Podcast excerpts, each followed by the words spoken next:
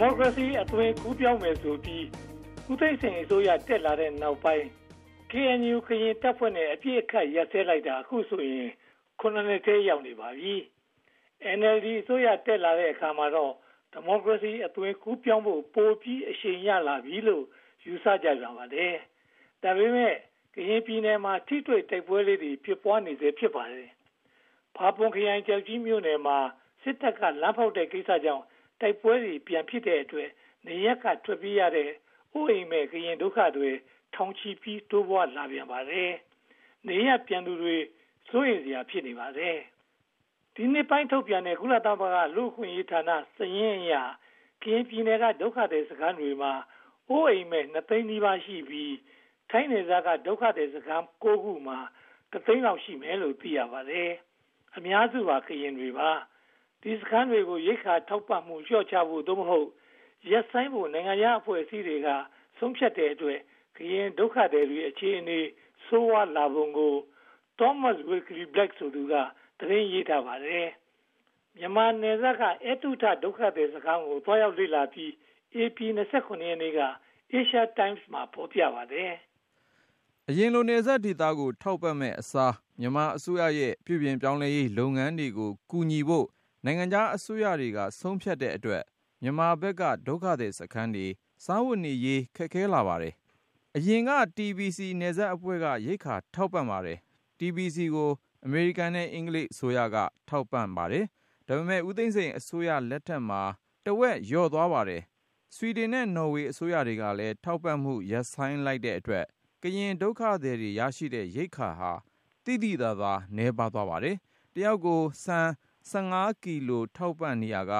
6ကီလိုအထိ လျှော့ချလိုက်ပါတယ်။ဒါကြောင့်နေဇာဒုက္ခသည်စခန်းတွေမှာ အာဟာရဓာတ် ချို့တဲ့မှုနဲ့ ကြုံနေရပါတယ်။ဆေးဝါးကုသမှုမှာလည်း မလုံမလောက် ဖြစ်လာပါတယ်။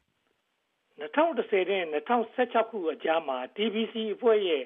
ရန်ပုံငွေတဝက်လောက် လျော့နေသွားပါတယ်။ထိုင်းနယ်စပ်က ဒုက္ခသည်စခန်းတွေမှာ နိုင်ငံခြားထောက်ပံ့မှုကိုမိခိုနေရတာမို့ ထောက်ပံ့မှုလျော့ချတာနဲ့ အခြေအနေ ဆိုးဝါးသွားပါတယ် ဒုက္ခတဲ့စကားမှာ ရိတ်ခါမလုံလောက်လို့ အပြင်ထွက်လှုပ်လှုပ်ဖို့ဆိုတာကလည်း စွန့်စားကားတစ်ခုလို ဖြစ်နေပါတယ် ဒုက္ခတဲ့ဟာတိုင်းနိုင်ငံမှာ အလုတ်ပိုင်ခွင့် မရှိတဲ့အတွက် အလုတ်ခိုးလုပ်သူဟာ မတရားအနိုင်ကျင့်တာခံရတာများပါတယ်စကားမှာ ဘဝရက်တည်ဖို့ ခက်ခဲလာလို့ အပြင်ထွက်ပြီး အလုတ်ခိုးလုပ်သူတွေလည်း များလာပါတယ် ဒါဟာ ဥပဒေကို ဖီဇန်တာဖြစ်လို့ အန္တရာယ် ရှိပါတယ် ဒုက္ခတွေကို ဖမ်းဆီးတာဟာ ထိုင်းမှာလုံရုပ်လုံစင်လို့ဖြစ်နေပါတယ်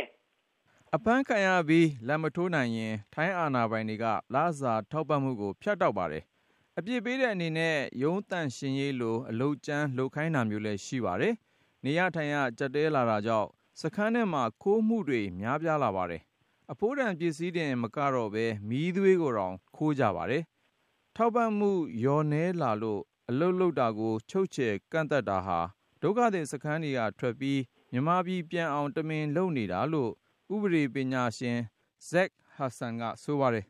ဒုက္ခသည်စခန်းမှာ နေရထိုင်ရ ခက်ခဲလာလို့ မြန်မာပြည်ပြန်တာကို မိမိသဘောအလျောက် ပြန်တယ်လို့ မပြောနိုင်ဘူးလို့ ဆိုပါတယ် အမေရိကန်နဲ့ အခြားနိုင်ငံတွေမှာ ရွှေပြောင်းအခြေချခွင့်ရတဲ့ ကရင်ဒုက္ခသည်တွေလည်း ရှိပါတယ် ထိုင်းနယ်စပ်မှာ အခြေချနေကြတဲ့ ဒုက္ခသည်တွေကလည်း သိမ့်ချီနေပါတယ် ပြည်တွင်းမှာ ဖွံ့ဖြိုးတိုးတက်လာရင် ဒုက္ခသည် ပြည်တော်ပြန်နိုင်မှာမို့ ပြည်တွင်းဖွံ့ဖြိုးရေးလုပ်ငန်းတွေကို ကူညီထောက်ပံ့တာဟာ ရေရှည်မှာ အကျိုးရှိမယ်လို့ ကုလသမဂ္ဂ ဒုက္ခသည်အေဂျင်စီက ယူဆပါတယ်။ကုလသမဂ္ဂ ဒုက္ခသည်ရုံးဟာ ထိုင်းနယ်စပ်စခန်းတွေမှာ ရုံးခွဲတွေဖွင့်ပြီး ပြည်တော်ပြန်ကျင်သူတွေကို အကူအညီပေးနေပါတယ်။ပြည်တော်ပြန်ဒုက္ခသည်ကို ကုလသမဂ္ဂရုံးက ငွေကြေးလဲထောက်ပံ့ပါတယ်။ဒါပေမဲ့ ဒီအစီအစဉ်နဲ့ ပြန်သူဟာ လွန်ခဲ့တဲ့ ၃ နှစ်အတွင်းမှာ 164ယောက်သာရှိပါတယ်။ TBC နယ်စပ်ထောက်ပံ့ရေးအဖွဲ့ကတော့ KNU အပြည့်အခတ်ရက်စဲလုပ်ပြီးကတည်းက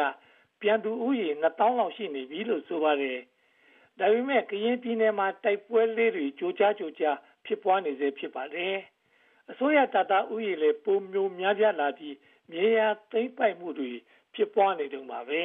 ။မျောလင့်စရာလေး ရှိလာတာကတော့ မြန်မာနယ်စပ်က ဒုက္ခတွေတထောင်ကို ရိတ်ခါထောက်ပံ့မှုကုလသမဂ္ဂကေဇရေးဌာနက စီစဉ်နေတာ ဖြစ်ပါတယ်။ဒါပေမဲ့ ထောက်ပံ့မှု လိုအပ်နေသူက3,600ကျော် ရှိနေတာမို့ မြန်မာထိုင်းနယ်စပ်က ကရင်ဒုက္ခတဲ့အခြေအနေဟာ ကောင်းမွန်လာစရာ အလားအလာ နည်းနေပါတယ်ခင်ဗျာ။